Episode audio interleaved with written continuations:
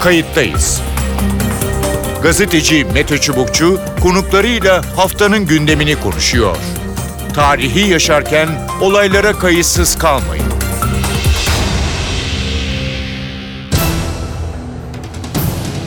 İyi günler bir kayıttayız programıyla daha karşınızdayız. Tarihe ışık tutmak ve olan biteni anlamak için önümüzdeki yarım saat sizlerle birlikte olacağız. Ben Mete Çubukçu. Türkiye'nin Suriye sınırında sıcak gelişmeler yaşanıyor. IŞİD 4 ay önce çekilmek zorunda kaldığı Kobani bölgesine bombalarla saldırdı.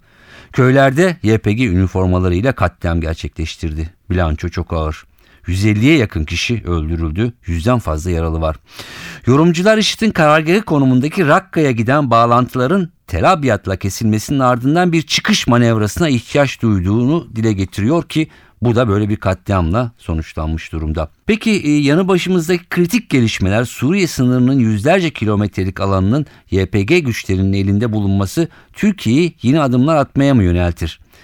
Bir politika değişikliği mümkün mü? Kobani saldırısı ne anlama geliyor? Soruların yanıtlarını iki konumuzla ele alıp değerlendirmeye çalışacağız. Hattın diğer ucunda Semih İdiz var. Semih İdiz'i e, kıdemli e, diplomasi muhabiri ya da diplomasi gazetecisi olarak e, tanımlayabiliriz. Sanırım yanlış olmaz. E, çok uzun yıllardır e, hem Türkiye'yi hem dünyayı yakından takip ediyor. Semih İdiz hoş geldiniz programımıza. Hoş bulduk. Teşekkürler. Ee, yaz geldi, havalar ısınmadı ama e, Türkiye'nin etrafı özellikle güney e, sınırı e, çok sıcak e, maalesef. Evet. E, Kobani'de bir saldırı meydana geldi. E, ondan evvel Tel Abyad e, YPG ya da PYD tarafından e, alınmıştı e, IŞİD'in elinden. Ve bir saldırı meydana geldi. Bu saldırıyı öncelikle nasıl değerlendirmek e, gerekiyor? Hem Suriye'de olan biten hem de Türkiye açısından. Yani e, askeri bir niteliği yok çünkü yani çok küçük bir grupla gelinmiş Kobani. Onun için belli ki Kobani'yi ele geçirmek falan gibi bir plan yok burada. E bu da iki seçenek. Yani özde tabii bir terör ve e, karmaşa yaratma saldırısı olduğu belli. E, bunda iki nedeni olabilir. Birisi işte son gelişmeler, YPG'nin son ilerlemeleri karşısındaki özellikle Tel Abyad'ı ele, ele, ele geçirmiş olması nedeniyle bir intikama yönelmesi. İkincisi de tabii ben hala varım, işte benden kurtulmadınız, böyle de saldırılar düzenlerin mesajı vermek. Hı hı. Tabii bu mesajdan da aynı zamanda kendi elemanlarını e, cesaretlendirmek diye diyebiliriz. Yoksa askeri açıdan bakıldığında pek bir özelliği yok. Yani mevcut durumu değiştirebilecek bir şey değil yarattığı dehşetin ötesinde. Evet. E, fakat siyaseten tabii ki etkileri var. Bir de şunu söylemek lazım. Ölenlerin çoğu 170 kişiyi aştı. E, çoğu sivil. E, peki siyasi açıdan e, şimdi tabii bir sürü de bununla birlikte şu anda elimizde herhangi bir şey, kanıt yok. Tabii e, algılar, farklı anlamalar, farklı yorumlar, işte Türkiye'den girdiğini iddia edenler, yetkililer defaten hayır böyle bir şey yok açıklaması yaptı. Bir de böyle bir durum var ortada. Evet işi karıştıran da bu yani. Çünkü burada bir algılar savaşı da var aynı zamanda. Herkes Suriye, bütün dikkatler Suriye üzerinde. Zannediliyor ki bir tek e, esas bununla ilgili olan Türkiye ve başkası yok. Halbuki hiç de öyle değil. Bütün dünyanın, Avrupa'nın, hatta görüyoruz işte Rusya'nın ki daha global çerçevede Amerika ile girdiği mücadelenin bir unsuru haline getiriyor Suriye'yi. Zaten o hale getirmiş durumda ama öyle kalacağını garantiliyor. E, hal böyle olunca herkesin farklı bir algısı var ve herkes de çeşitli işte ister medya yoluyla olsun ister siyasetçiler yoluyla olsun bu algıyı etkileyebilmek için böyle durumları kullanıyorlar tabii ve o çerçevede şimdi bakıyoruz bugün e, Türkiye aleyhine bazı açıklamalar yapıyor. Türkiye savunmada buna mukabil işte e, PYD'den bazı açıklamalar yapılıyor. Türkiye'nin iç siyasetinde yansıdı. Sayın Demirtaş da bu konuda açıklamalar yapıyor. Yani işin özünden ziyade galiba herkes bu durumu nasıl kullanmak istediği e, esas itibariyle ön planda burada. Hı hı. E, peki biraz sınırın öbür tarafına geçecek olursak e, şimdi e, PYD ya da YPG e, Kürt güçler e, yaklaşık 400 kilometreyi alanı sınırı kontrol altına aldılar.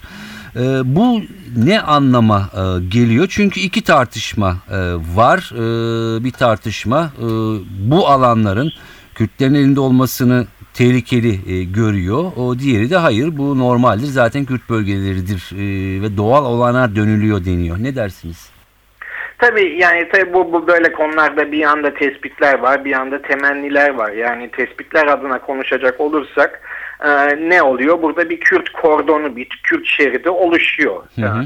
E, ama bu Kürt şeridi zannedildiği gibi böyle çok tek düze boyutla değerlendirilecek bir şerit değil. Çünkü yani aynı zamanda o bölgede belli bir istikrar sağlıyor. Ee, e, aynı zamanda kendisini global e, politikanın bir unsur haline getirmiş oluyor. Yani unutmamak lazım ki şu anda Amerika ile e, Suriyeli e, Kürtler fiili bir ittifak içindeler ve bunu eskiden kapalı olarak yürütüyor idis, e, e, yürütüyorlarsa şimdi açıkça yapıyorlar.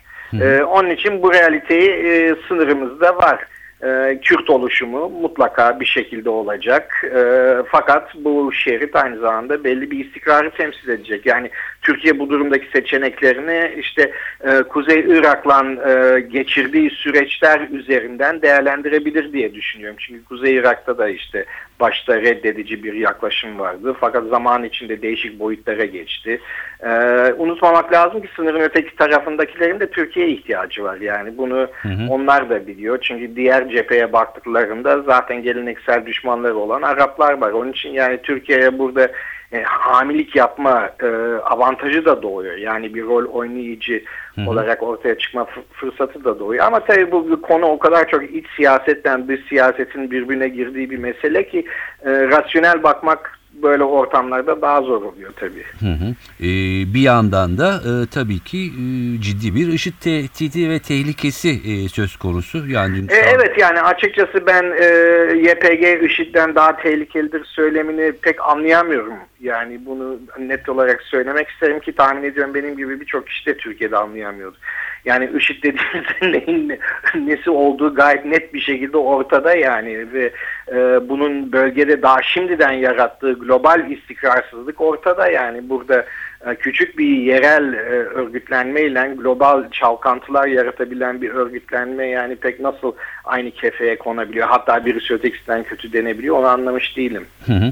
Ee, peki e, Batı nasıl bakıyor? Ee, yani çok önemsemek durumunda değiliz ama sonuçta e, Suriye meselesi artık herkesin elinin içinde olduğu bir mesele haline gelmiş durumda. Dolayısıyla e, o da önemli. Evet yani Batı çok sinik bir perspektiften bakıyor açıkçası. Şöyle söyleyeyim yani e, Esad'lı bölgeydi, şuydu, demokrasiydi o açıdan bakmıyor. Yani bakın bugün de mesela Fransa'da bir saldırı oldu. İşte bir kafa kesildi. E, o, o, o bölgedeki işte nerede bulunduysa onun direğine asıldı falan filan. Yani bunlar Batı kamuoyunu agite ediyor tabii. Hal böyle olunca Batı için buradaki bir numaralı düşman kendisine sirayet edebilen doğrudan IŞİD oluyor. Ee, onun için Batı bunu o çerçevede değerlendiriyor Ee, ve bu e, Kobani'deki saldırıdan sonra tahmin ediyorum Batı e, Kürtlerin arkasında daha çok net bir şekilde kenetlenecektir. Ee, yani işte IŞİD bir de böyle bir fonksiyonu ifa etmiş oluyor. Ee, Kürtler de onlar sayesinde yaşadıkları bütün trajedilere rağmen siyasetin bir unsur haline geliyorlar. Hı hı. Yani e, alandaki realite farklı e, işliyor. Yani şunu, şunu demek istiyorum.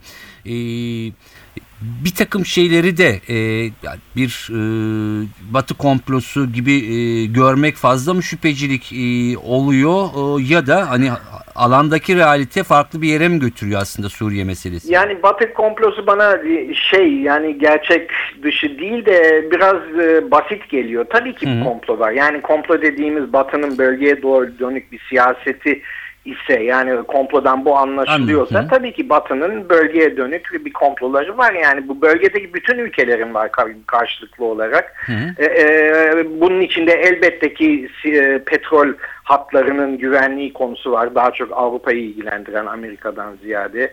Bunun içinde tabii ki işte e, hani tanıdığın şeytan tanımadığın şeytandan iyidir. Onun Evet. için IŞİD ise alternatif Sisi'yi tercih ederim şeklinde algıların ortaya çıktı. Bütün bunlar doğru yani. Bu- Bunlara moralist bir açıdan yaklaşmak da mümkün ama yani sahadaki realite e, yani o moralist e, yaklaşımlara göre şekillenmiyor yani onu görmek lazım. Evet.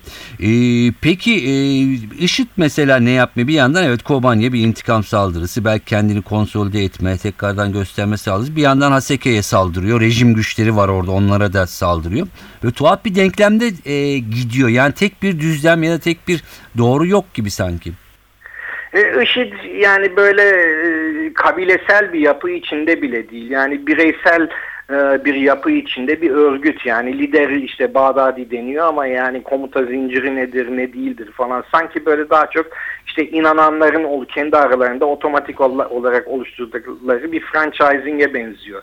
Karşısında ciddi bir güç bulduğu zaman yani efektif bir güç yani Irak ordusu gibi değil silahını bırakıp kaçan hı hı. demek ki IŞİD geriye doğru itilebiliyormuş. Yani bu son e, yaşananlar bunu gayet net bir şekilde ortaya koydu ve Amerikalılara da güzel bir fırsat çıktı çünkü e, e, postal koymak istemiyorlar sahaya ama evet. hava e, e, e, desteği ve radar desteği ne onun dışında her şeyi vermeye razılar. İşte e, böylece yerel düzeyde iyi bir müttefik bulunca ve bunların kompozisyonundan IŞİD geriye doğru itilmeye başlanınca IŞİD'in aslında ne olduğu daha net bir şekilde ortaya çıkıyor. Yani bu momentum e, sağlanabilirse tahmin ediyorum yakında Musul'un falan filan da artık yavaş yavaş boşalmaya başladığını göreceğiz ama tabii Musul deyince Irak, Irak'ta kim var böyle Amerika'ya e, Suriyeli Kürtler gibi yardım edecek. Tabii Kürtler gene akla geliyor. Olabilir. Yani bu son yaşananlar e,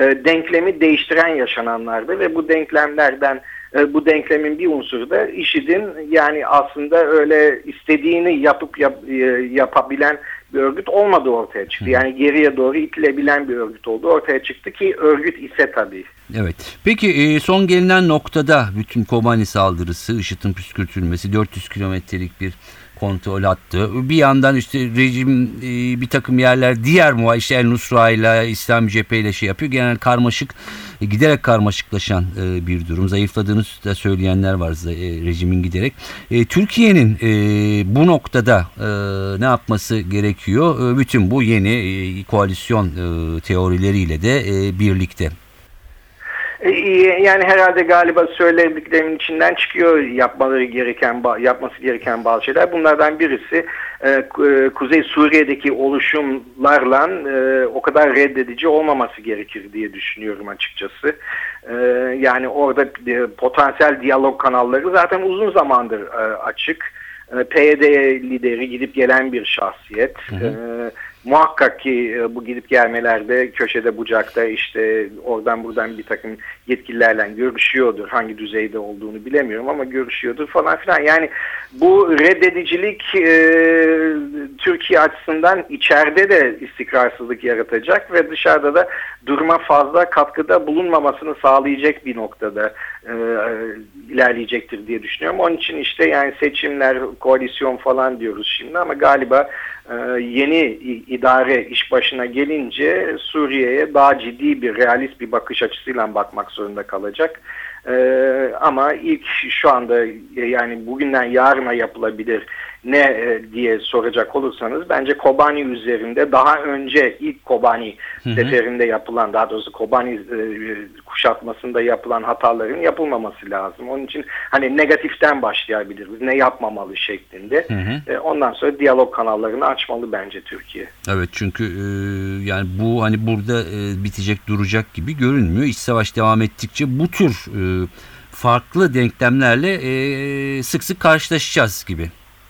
Tabii tabii kesin öyle. Yani bu bu e, sınırlarımızdaki yangın ya giderek büyüyecek ya da söndürülmeye çalışacak ama bu öyle bir yangın ki yani orman bile bir yerden sonra kendisini söndürüyor. Çünkü yani yakacak şey bitiyor ama maalesef bu topraklarda 1400 yıldır bitmiyor bu yangını evet. besleyen unsurlar. Onun için yani hakikaten realist ve dengeli ve biraz vizyoner politikalara ihtiyaç var. Peki. Semih İdiz çok teşekkür ediyorum programımıza katıldığınız ve görüşlerinizi paylaştığınız için. Ben de teşekkür ederim. Size iyi yayınlar. Sağ olun. Telefon attığımızda Fahrettin Altun var. Fahrettin Altun, SETA İstanbul Genel Koordinatörü. Hoş geldiniz programımıza. Merhaba, hoş bulduk. Kayıttayız da hemen e, güney sınırlarımızda olan biteni e, ele alıyoruz. Kobani'ye IŞİD saldırısı, e, ondan sonra neler olabileceği ve bu olayın yankısı. E, hemen şunu sormak istiyorum. E, bu saldırı e, sonrası e, tabii ki resmi e, açıklamalar e, bu saldırının Türkiye'den yapılmadığı yönünde defaten açıklama yapıldı. Bir takım kaynaklar Türkiye'den olduğu yönünde e, ısrarını e, sürdürüyor. E, bu algı nasıl e, oluştu? Ne dersiniz? E, böyle bir algı da e, var. Dezenformasyon da e, olabilir. E, buradan başlayalım isterseniz. Şimdi e, açıkçası burada oluşan algının e, bir e, tarafında bir propaganda süreci söz konusu. Hı hı. Öncelikle onun altını çizmek lazım. Bir şekilde Türkiye'ye yönelik özellikle 2010 sonrasında giderek dozu artan bir olumsuz algı söz konusu ve burada da bu algının farklı biçimlerde beslendiğini görüyoruz. Özellikle son iki yıldır yani Suriye krizi derinleştikçe ve Türkiye'de Suriye'deki pozisyonunda ısrar ettikçe bu e, Türkiye ile ilgili olumsuz algının daha da derinleştiğini e, yine gözlemliyoruz. E, bu anlamda e, baktığımızda Türkiye'nin e, özellikle e, IŞİD üzerinden bir e, biçimde teröre destek verdiği algısı e, defalarca e, dille getirilen bir e, algı. Burada her ne kadar e, Türkiye kendi pozisyonunu e, ortaya koysa da resmi olarak bunu izah etse de ve e, IŞİD'le DAEŞ'le herhangi bir biçimde e, bir e, ortaklığının e, ya da bir e, ilişkisinin olmadığını deklare etse de e, algı e, ne yazık ki bu şekilde işlemiyor. E, baktığımız zaman e, hemen her e, platformda, uluslararası platformda Türkiye neden e, DAEŞ'e destek veriyor sorusu karşımıza çıkıyor. Hı hı. Şimdi e, burada e, açıkçası e, bu süreçte özellikle Kobani e, olayları e, yaşandığında e, IŞİD Kobani'ye saldırdığında e, bu e, vurgunun, e, bu e, propagandanın özellikle e, Türkiye'nin e, IŞİD'e destek verdiği propagandasının daha e, sesli bir biçimde Türkiye içinde dillendirildiğini gördük. Burada e, PYD'nin ve Türkiye'de PKK'nın bu e, propagandayı yoğun bir şekilde işlediğini ve bunun da uluslararası alanda e, deveran ettiğini gördük. Şimdi e, burada somut olarak peki e, hangi argüman üzerinden bu e, propaganda dillendiriliyor diye baktığımızda e, bir e, Türkiye'nin e, sınırlarını yeterince kontrol etmediği gibi bir e, e, aslında tezin e, üzerine bütün bunların bina edildiğini e, görüyoruz. Ve somut olarak da e, bu e, yargı üzerinden Türkiye'nin IŞİD'le e, işbirliği içerisinde olduğu e, algısı söz konusu. Daha batıya gittikçe e, batıda özellikle e, bu propaganda e, işletilirken e, işte e, İslamcı bir AK Parti iktidarının İslamcı bir terör örgütüne destek verdiği yönünde çok aslında e, indirgemeci bir yaklaşımın e, karşımıza çıktığını görüyoruz ki burada e, böylesi bir indirgemeci yaklaşıma da e, çok da e, somut e, sahadan e, tezle destek vermek gibi bir kaygının da ortada olmadığını yine e, görüyoruz. Şimdi baktığımızda e, bu mekanizma işletiliyor ve evet. e, gerçeklik ve imaj arasında ciddi bir fark var. Türkiye'nin e, dün de gördük e, saldırı gerçekleştikten sonra IŞİD e, Kobani'ye e, saldırı gerçekleştirdikten ve birçok sivil e, hayatını yitirdikten sonra e, yine e, işte e, terörist Türkiye diye bir e, hashtag açıldı ve burada da aslında yine çok ilginç bir şekilde e, İngilizce açılan bu hashtag'e e, çok fazla Türkçe e, yine tweet atıldı ve Türkiye ciddi bir biçimde burada e, aslında saldırıya e, tabi tutuldu ve bir e, hani net bir biçimde e, adeta e, yargılanmış oldu. Hı hı. E, bunu ifade edebiliriz. Peki e, sizin alanınız e, iletişimde olduğu için onun için şey yaptım sordum. Peki e, bu söylediğiniz e, algıya e, mesela bir takım açıklamalar da e, yani katkıda bulunuyor mu ya da hani başka türlü mü sormak lazım bilmiyorum. Hani işte bu. YPG IŞİD'den daha tehlikelidir açıklamaları ya da bu tür işte bir takım yorumlar e, ya da köşe yazıları söz Burada- konusu olabiliyor. Bunlar yardımcı mı hani negatif Ya anlamda şunu, diyorum. Şunu, şunu söylemek lazım. Tabii e, açıkçası e, çok ciddi bir sembolik savaş söz konusu. Böyle Hı hı. bir sembolik savaş sürecinde e, zaman zaman kastı aşan e, ifadelerle de karşılaşıyoruz. E, hele hele e, resmi pozisyonu olan, sorumluluğu olan e, aktörlerin bu konuda çok daha dikkatli davranması ve veriyle e, konuşması gerekiyor. E, örneğin e, biz e, işte AFAD Başkanı'na dönüp baktığımızda Hı hı. ee, onun bize sunduğu verilere baktığımızda çok net bir biçimde manzaranın ne olduğunu görüyoruz aslında. Evet. Yani o verilerden hareketle yani olanı olduğu gibi tasvir ettiğimizde Türkiye'nin eli esasında güçlü. Çünkü Türkiye e, biz yine uluslararası platformda da görüyoruz. Siz de görüyorsunuzdur. Yani özellikle e, Suriyeli e, sığınmacılara e, kapılarını, sınırlarını Hı hı. açmış olması dolayısıyla çok ciddi anlamda bir itibar e, kazanmış durumda. Evet. E, 2 milyonu aşkın bir e, mülteci Türkiye'de ve e, bu anlamda da Türkiye'nin bu anlamda yürüttüğü açık kapı politikası e, ifade ettiğim gibi bir e, yeni bir toplumsal aslında e, barışın sözleşmenin uluslararası anlamda mülteci meselesiyle ilgili yeni bir e, aslında gerçekliğin de inşası anlamına geldi. Fakat e, bunlar yanında bir taraftan bu işleyen e, propaganda süreci ciddi ve yürüyen sembolik savaş